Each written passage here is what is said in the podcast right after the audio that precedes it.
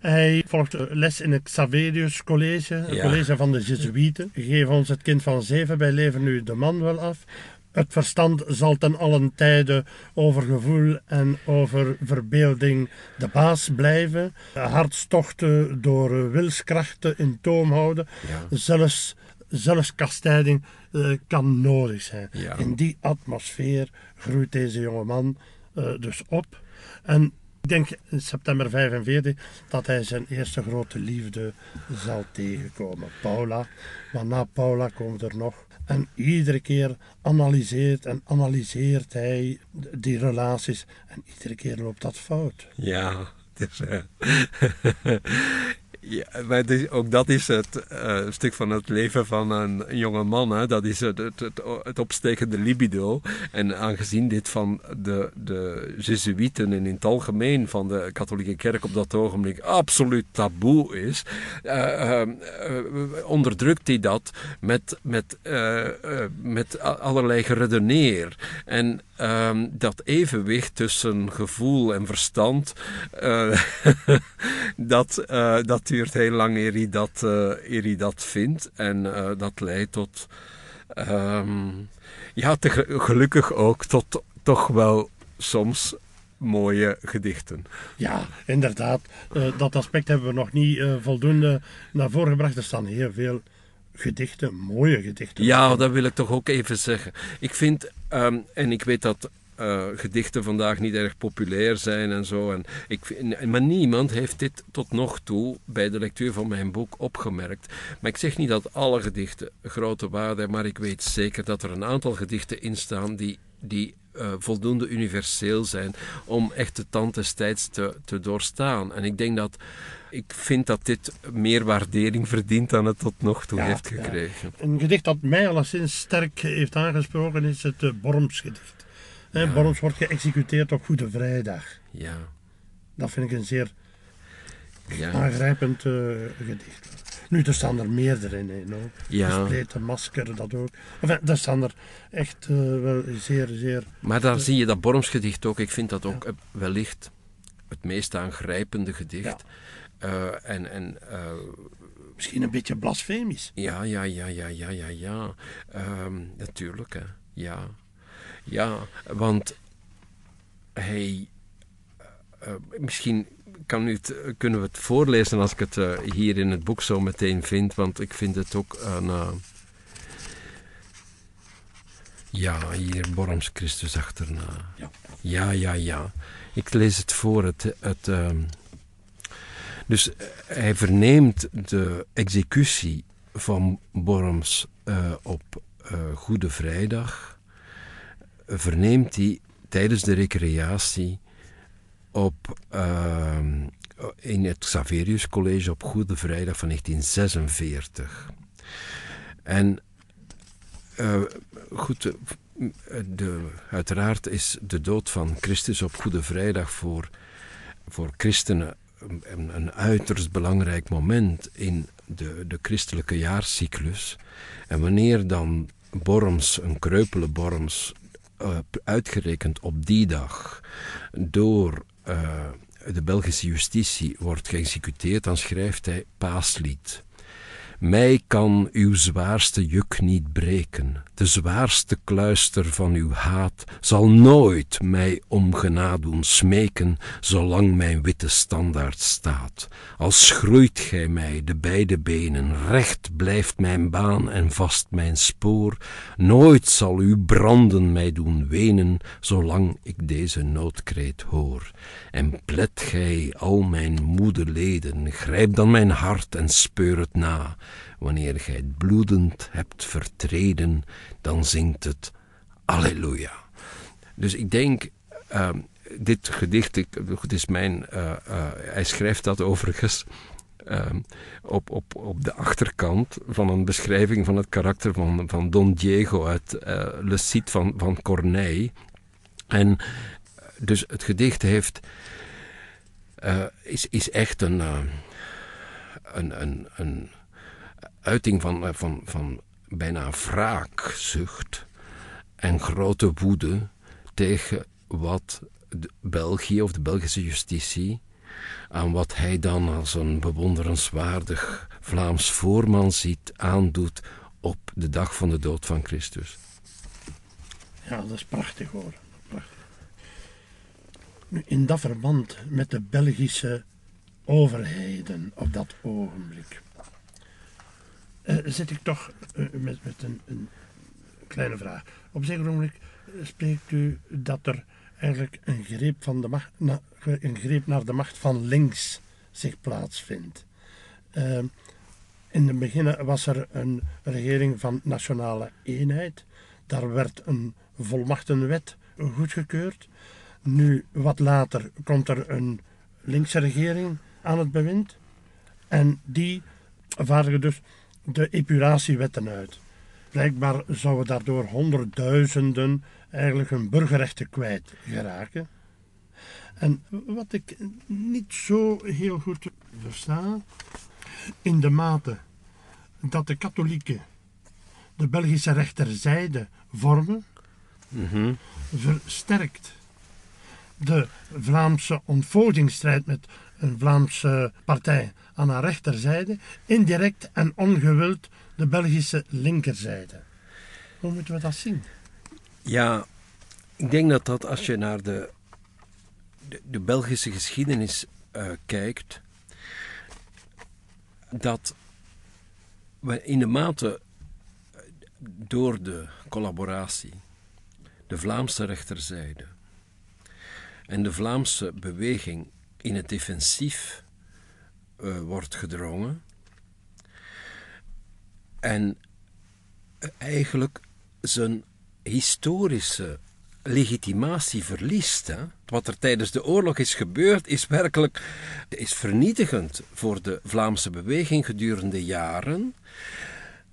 En dus op dat ogenblik is het. Dit, dit legt natuurlijk. Dit is een, een, een loper voor het alternatief, namelijk de niet-katholieke linkerzijde. Zowel socialistisch, in de eerste plaats socialistisch, maar ook liberaal. Dus de Vlaamse katholieken worden werkelijk gedwongen. Ze worden uit de regering geweerd, hè, lange tijd, en ze worden gedwongen om zich van de Vlaamse geschiedenis te distancieren. En op dat ogenblik is, ligt het, uh, het terrein open voor wat ik inderdaad, en dat is een beetje een gewaagde een gewaagd standpunt. En ik denk dat de linkerzijde dit, dit zal betwisten. Uh, maar wat ik noem een greep naar de macht van links. Uh, en ik denk dat, dat, dat iedereen die over de repressie en de epuratie wat heeft gelezen, niet anders kan dan vaststellen dat uh, in de ambtenarij, in het onderwijs enzovoort, iedereen die tijdens de oorlog, die na de oorlog nog maar verdacht werd van sympathieën voor het VNV of van passiviteit tijdens de oorlog, dat die uh, zijn baan verloor.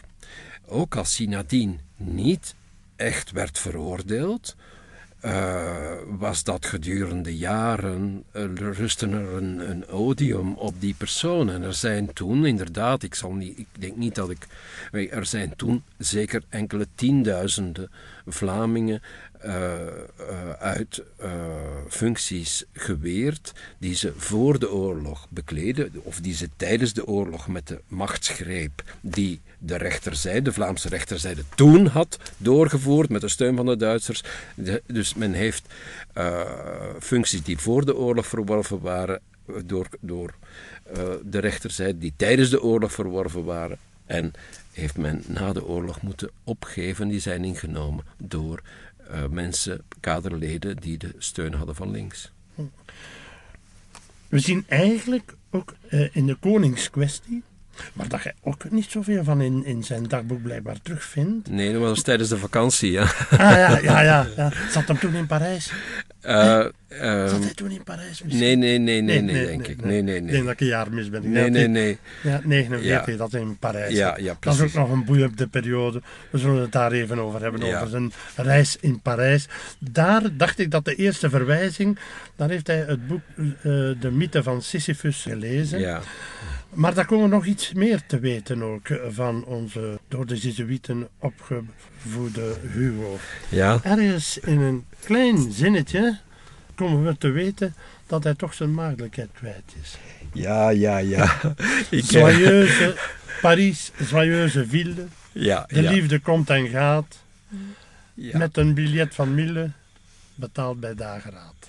Ja, nu, eh, ik weet niet of de familie, die misschien beter ingewijd is in het echte liefdesleven van Hugo Schils, ik weet niet of de familie het daarmee eens was. Dat is een interpretatie van mij. En ik stoel die op het feit dat er opeenvolgende versies van dat gedicht bestaan en dat die eh, in dat gedicht eh, de betaling met het biljet van Mille, eh, eh, dat hij dat achterwege laat. Nu, ik kan mij niet voorstellen dat hij dat daar ter plekke in Parijs zomaar heeft geïmproviseerd. Dus ik denk dat hij daar inderdaad voor de eerste keer. Goed, goed, goed. goed. Ja. Enfin, laat ons nu meer terug naar het ernstige gedeelte. Ja. Daar heeft hij dus voor het eerst bij mij weten kennis gemaakt met de teksten van eh, Camus. In dat verband, dat begint toch een belangrijke impact op zijn denkwereld te krijgen. La Peste, L'Homme Révolté, of hoe noemt het? de- de- Ja, ja, ja, ja. ja. eh, tussen haakjes lezers, wij hebben heel wat eh, titels van Camus in huis. Het is echt de moeite om die eens ter hand te lezen, te nemen. Nu ga ik even citeren, om, omdat deze teksten, uit de boeken van, van Camus, hij eigenlijk de morele fundering vindt voor zijn nationalisme. Ik, eh, ik citeer even. Het leven is zinloos. En wie dat ten volle beseft, kan zinnig opstandig zijn. Voor wie met talenten is begiftigd, bestaat de zin van het leven in de zorg voor de minder fortuinlijke anderen voor het eigen gewone volk. Daaruit legitimeert hij dus het nationalisme. Dus, zegt hij, ben ik flamingant. En omdat ik ervan overtuigd ben dat de Vlamingen ook maar geen enige superioriteit zouden hebben, maar omdat het lot mij hier heeft neergezet, in deze kring moet de waardigheid gesticht worden. Zoals iedereen moest doen die in de stad van Camus terecht was gekomen. Dus dat zijn eigenlijk de basisteksten waarop hij zijn flamigantisme endt. Ja. Ja. Nu, dat absolute absurdisme, zal ik zeggen, belet hem niet om nog lang, lang, lang, lang eh, daar het, zijn godsbeeld een plaats te geven. Ja, ja, ja, ja, ja.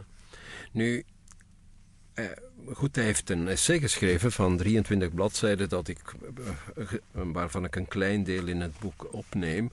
Een essay van 23 bladzijden over eh, Camus en het, eh, de plaats van God. Eh, Het komt hierop neer, want eh, goed, het is een filosofisch essay, dus eh, behoorlijk eh, ontoegankelijk, maar het komt hierop neer dat waar Camus, waar het sluitstuk van de redenering van Camus is eerlijkheid en authenticiteit, maakt hij, God, het sluitstuk van verder eenzelfde onderliggende filosofie. Hij zal dit eh, dat overigens op dat ogenblik is dat, hij volgt dan ook eh neotomistische wijsbegeerte in Leuven enzovoort. En op dat ogenblik gebeurt dat, eh, kan men eenzelfde redenering terugvinden bij Manuel Mounier en bij andere filosofen die het existentialisme van Camus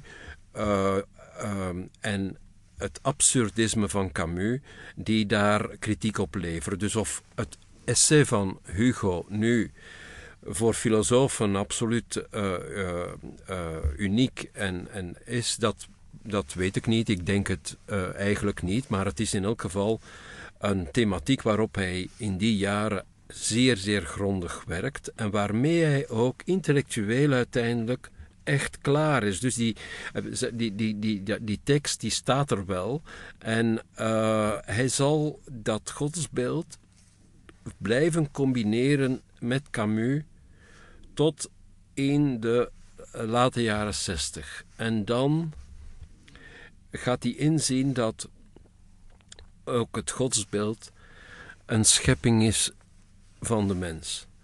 Uh, en hij wordt dan, ook omwille van zijn ervaringen met de kerk, uh, universitaire expansie en, en, en, en andere Leuven zeker ook, omwille van zijn ervaringen met de kerk wordt hij uh, agnost. Hij verlaat de, de godsdienst waarin hij zo, waarin hij is opgegroeid en waaraan hij zo verkleefd was waarin hij tot eh, eind jaren 50, begin jaren 60 verkleefd bleef. Hij zong in Willebrordus, in de Sint-Willebrorduskerk, maar hij verlaat dan eind jaren 60, na, met name Leuven, verlaat hij die godsdienst. Hij wordt dan, zogezegd, een vrije vrijzinnige. Ja.